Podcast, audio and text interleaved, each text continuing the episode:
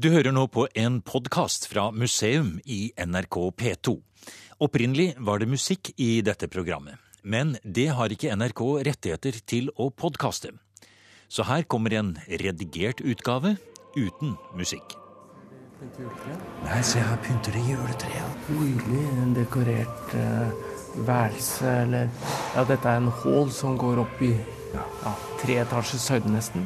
Av de meget høye slottsetasjene som vi har her. Juletre og slottsstemning i Marlborough Hall, dronning Mauds barndomshjem i London. Et steinkast fra Buckingham Palace. Det blir både myke og harde pakker i museum i dag, og alle har en slags tilknytning til jul.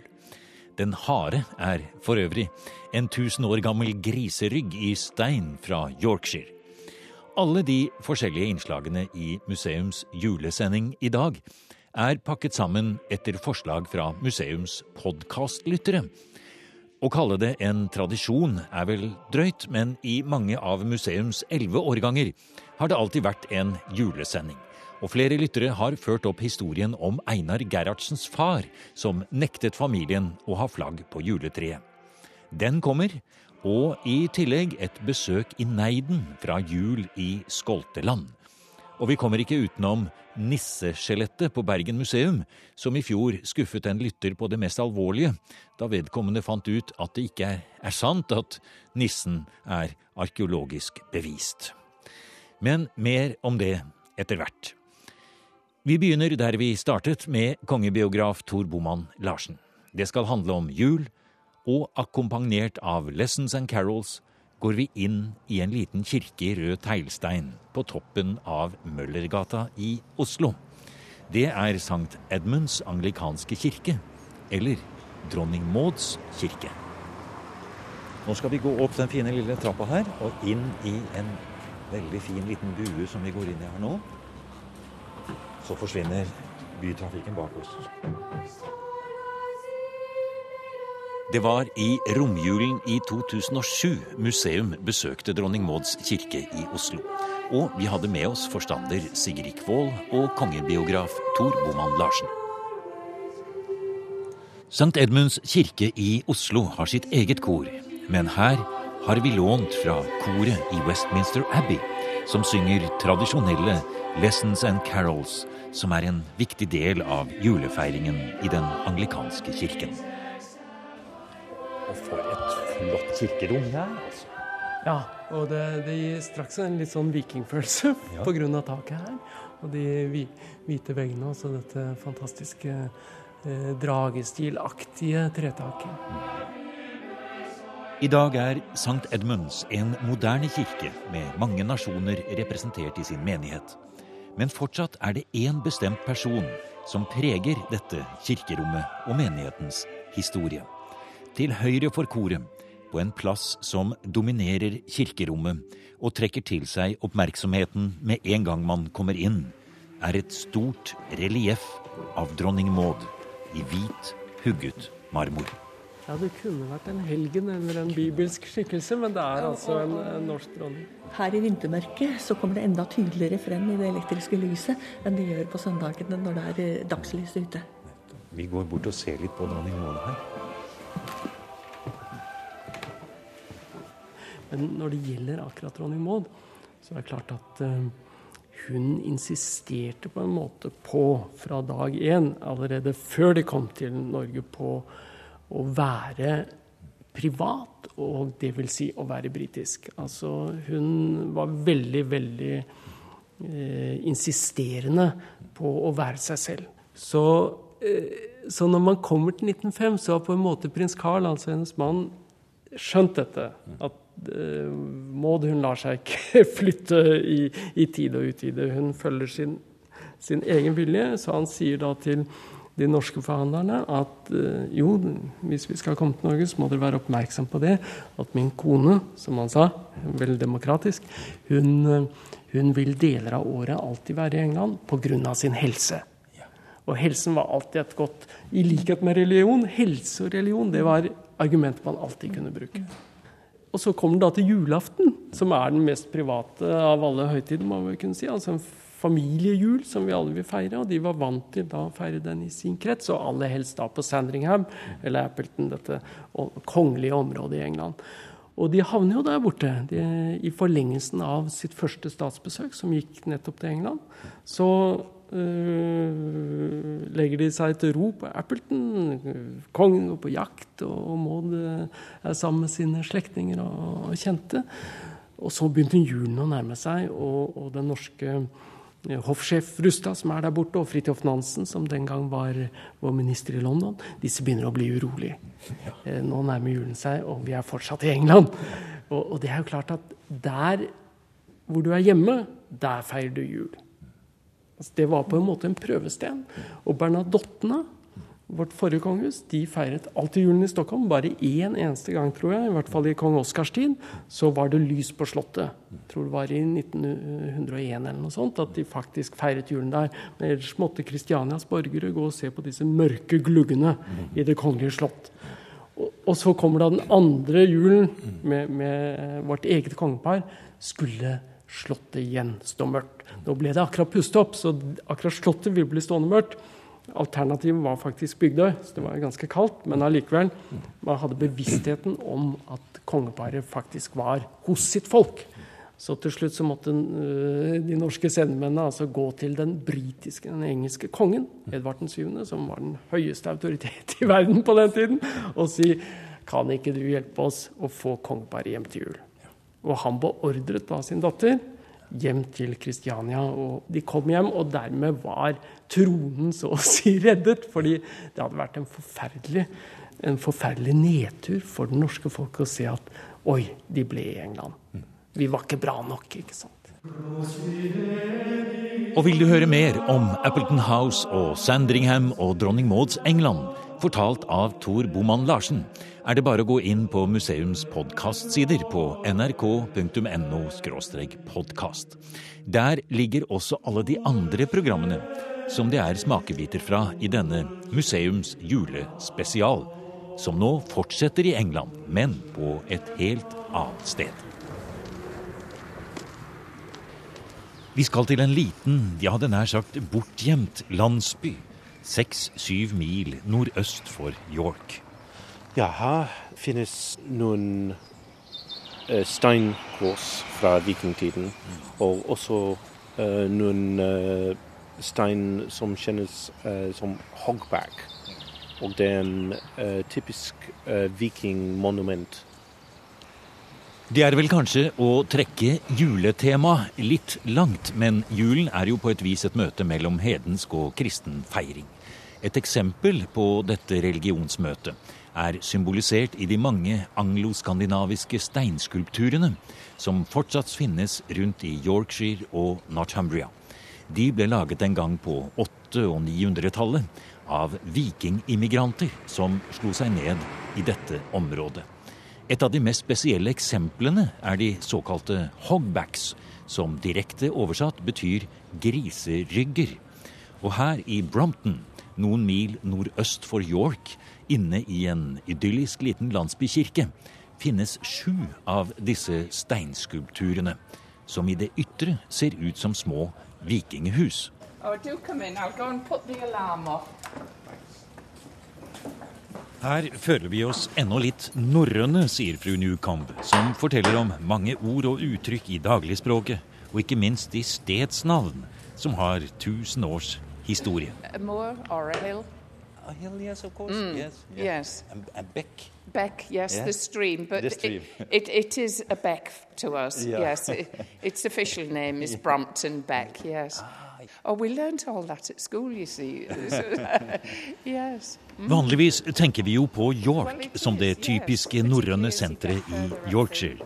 Men i tillegg, sier Gareth Williams, var det mange andre viktige bosettinger, og kanskje vi kan si mindre norrøne sentre rundt i Northumbria. Og her er vi uten tvil på et slikt sted. Ja, uh, Brompton uh, må ha vært en av de største konsentrasjonene uh, av bosetning, fordi vi har så mange monumenter.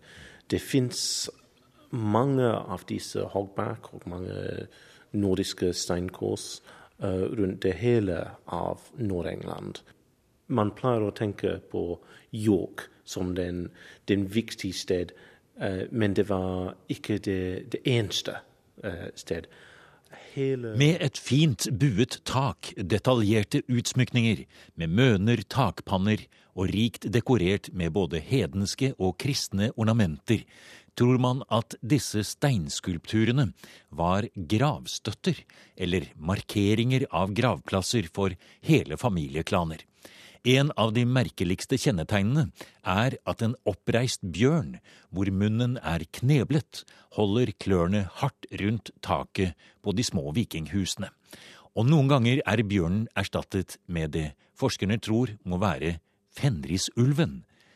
En underlig og sterk symbolikk, særlig hvis de i sin tid ble plassert på kristne kirkegårder, sier kirkehistoriker Jan Schumacher.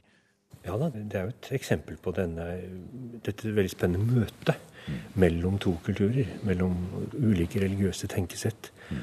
Og uh, vi har jo ikke skriftlige kilder på dette her. Eller vi kan si de skriftlige kildene vi har, er jo, er jo skrevet av kristne munker, og de har på en måte gitt det sin fremstilling.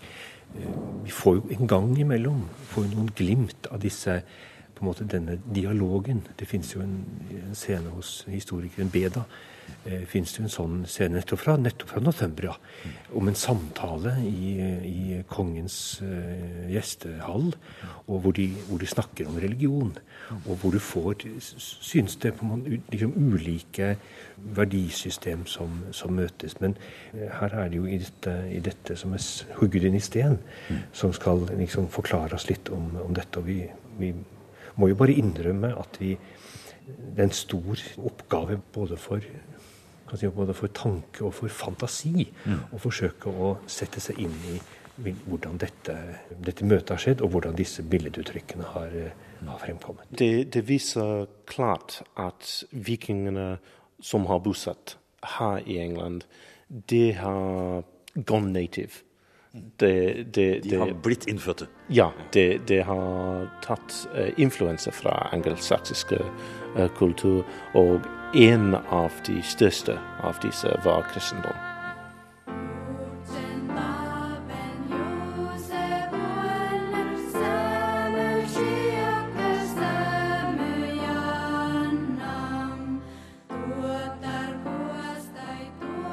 Men nå vender vi tilbake til Norge i denne julekortsendingen fra museum. Vi må nesten kalle det den største skandalen i Museums-Norge. Men den har blitt borti all viraken omkring flytting av vikingskipene og andre store museumsplaner i hovedstaden. Vi er i en liten bygd langt oppe i Øst-Finnmark. Det er kuling og snøkav utenfor. Men inne i det nybygde Østsamisk museum var det i 2009 en høyst uoffisiell åpning av det flotte museumsbygget. Arrangementet heter Jul i Skolteland, og i bakgrunnen hører vi Sami Soga Laula, som er nasjonalsangen for hele Sápmi, landet uten grenser, som strekker seg over Nordkalotten.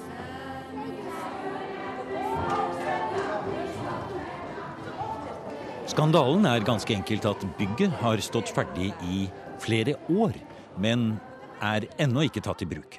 Statsbygg har levert etter planen, men en rekke feil og mangler gjør at museumsbygget for Norges minste samiske gruppe, skoltesamene, ennå ikke er åpnet. Kanskje skjer det noe neste år, men det har ildsjelene i Neiden hørt før. Da museum var gjest under julefeiringen for tre år siden, møtte vi Katri Jefrimov, skoltesamisk veteran fra den finske siden av grensen og en av de veldig få som ennå snakker skoltesamisk.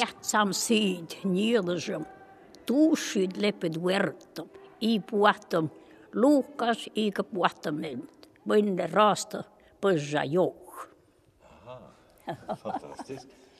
Var det en regle som du husker fra din egen barndom? Jo da, det er mm on, on, on løytinsanat. sanat. teksten til en laud, det tradisjonelle skoltesamiske sang.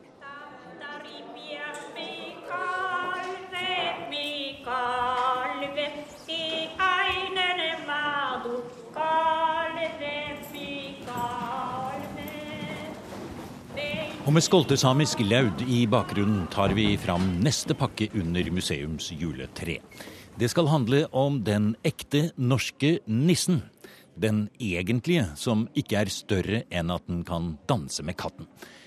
Og vi får nesten advare, som det heter, mot sterke scener i det neste innslaget. For nå skal vi til Bergen museum og la osteolog Anne Karin Hufthammer og ingeniør Gunnar Langhelle fortelle om en hemmelighet fra magasinet som kommer til syne ved juletider.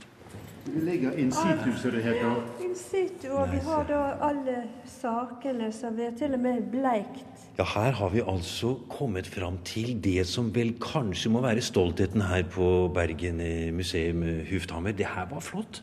Ja, den er fantastisk. Det er Norges eneste nisseskjelett, og kanskje også verdens eneste nisseskjelett. Iallfall er det det eneste gamle nisseskjelettet.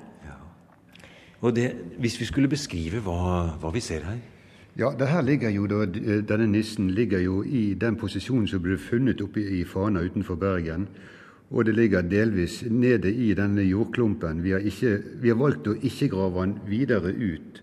Vi er redd for at den ikke tåler så mye. Ja. For, for, den er jo ikke så stor her. og Så vidt jeg kan se her, så er det også spor etter faktisk eh, noe som kan være en spiss lue der også?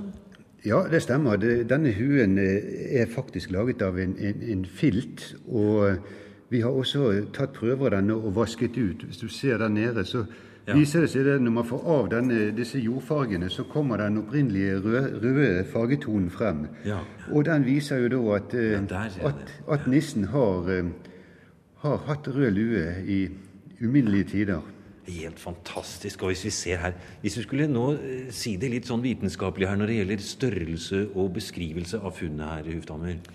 Ja, den er ja, ca. 15 cm lang. Mm. Og det er jo en, helt klart en primat. Så Det ser vi både på tennene og på kraniet. Og um, når vi fant den, så lurte vi jo litt på hva dette her kunne være. Men ved å ta litt fantasi i bruk, og ikke minst da gå til en del av litteraturen, så kom vi ganske fort fram til at det var ikke mye mer å velge i enn en nissa. Ja. Og her, den, Denne har jo også faktisk fått et eget innføringsfunnummer her i Bergen museum? Ja, vi har lagt, han ligger i journalen vår som strøfunn nummer ja. 318, tror jeg det. Og det er jo også en hel del av disse undersøkelsene dere har gjort her Eh, rundt selve funnet av det som eh, er eh, muligens da skjelettet av den eldste nissen i Norge.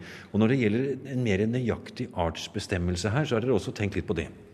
Ja, altså vi har jo eh, fått en, en DNA-prøve på denne her, og ut ifra andre kjente, beslektede individer, så, så, har vi kunnet lage et, nærmest et stamtre som viser eh, nissens eh, tilhørenhet til, til, denne gruppen. Ja.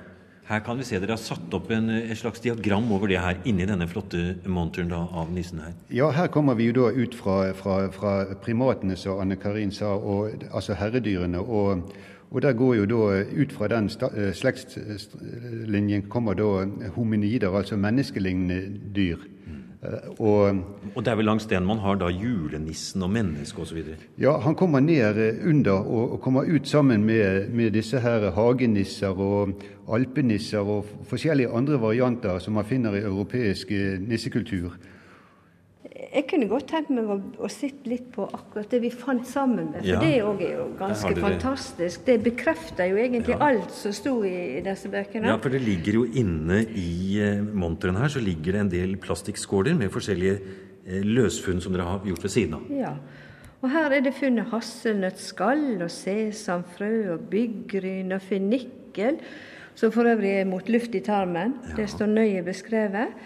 Og valmuefrø mot diaré og bergkrystall, som sikkert var både vakkert og skulle beskytte mot noe. Skjell og litt glimmer som eh, det, det, tror dere, det siste der det tror dere at nissen kanskje har brukt i forbindelse med pynt og sånt? Ja, han har vel vært litt sånn sjor. Hvor gammel tror du at dette skjelettet her kan være?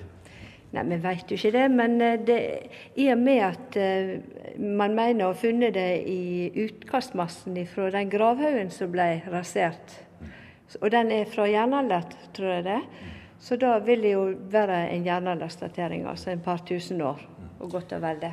For det kan være en av grunnene til at det er så sjelden funn av uh, nisseskjeletter eller andre ting som kan settes i direkte forbindelse med, med nissekulturen her i, Norge. Det er vel at de blir vel veldig gamle?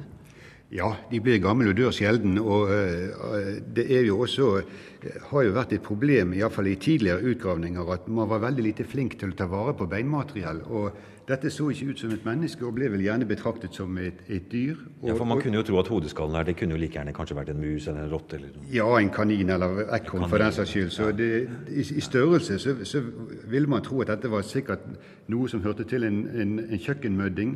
Ja. Og, og, som sagt, det er jo bare i i, i siste 50-60-70 år at man liksom i stor grad har begynt å ta vare på beinmateriell. Så det er nok gått en del tapt i tidligere i tidligere haugutgravninger, dessverre. Nei, for som dere skriver her, at uh, i, i, nissens uh, eh, 2000 år gamle historie her i landet står det så kan det ikke ha dødd særlig mange nisser. Og at det er altså da grunnen til at man da er såpass stolte her på Bergen museum for at man faktisk da har funnet en helt ny art, faktisk. Ja. Ja, vi er veldig stolte over dette, her, og vi tar det fram hvert eneste år. Men ellers så gjemmer vi sammen med alt det andre verdifulle vi har i våre magasiner. Det nærmer seg bunnen i museumsnissens pakkesekk. Men før vi gir oss helt, og som lovet avslutter med Einar Gerhardsens spesielle juleminne, tar vi fram et klipp med Reimund Kvideland fra Universitetet i Bergen. Kvideland var ekspert på folkloristikk, og i 2003 fortalte han museums lyttere at mange av julens skikker, som vi tror er gamle tradisjoner, er nokså nymotens påfunn. Julepakker, for eksempel. Ja, det er ingen folkelig tradisjon i forbegynnelsen av, men uh, det er en tradisjon der uh, herskere, konger og andre stormenn gav gaver til sine hirdemenn eller sine nærmeste omgivelser. og det var opprinnelig en form for nyttårsgaver gaver i den forstand, slik som nå, det er en relativt ny, ny skikk. Ja. Men der ser jeg det står en flott enebærbusk med norske flagg på osv. Er det i hvert fall en gammel ting, da? Ja, juletre det er noe som går tilbake til steinalderen, eller de som sier. Men i virkeligheten så ble det jo eh, Kom det fram i Tyskland på 1600-tallet, kanskje slutten av 1500-tallet.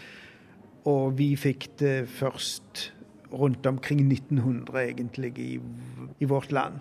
Og Det er kanskje også forklaringen på de norske flaggene som henger der?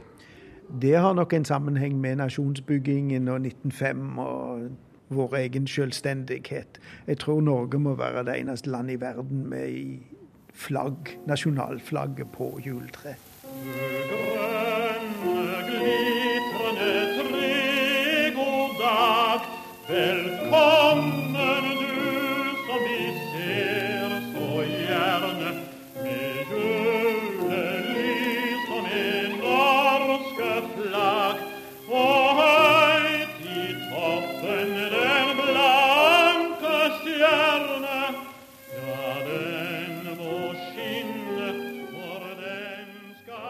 Grønne, glitrende tre, god dag.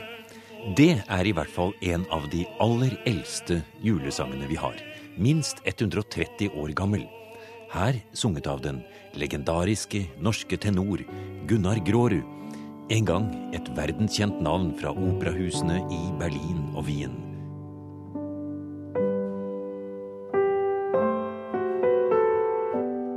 Men nå pakker vi opp den siste pakken under museums juletre for denne gangen. Og det er en liten hilsen fra landsfader Einar Gerhardsen. Nettopp som en kommentar til flagg på juletreet, og hvordan symboler totalt kan endre innhold. Jeg kan tenke meg at det var i 1904, julaften. Så var faren min kommet hjem litt tidlig og hadde lagt seg til å hvile. Og mora mi holdt på å pynte juletreet. Da han våkna opp, så titta han på juletreet. Og plutselig hopper han opp og river ned et papirflagg som mor hadde hengt opp. Og Det viser seg at det var et sånt unionsflagg med sildesalaten oppi et hjørne, som vi kalte det. det.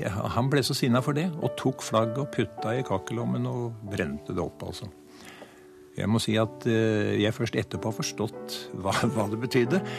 Men det var altså et uttrykk for at han, det der ville han ikke ha noe av.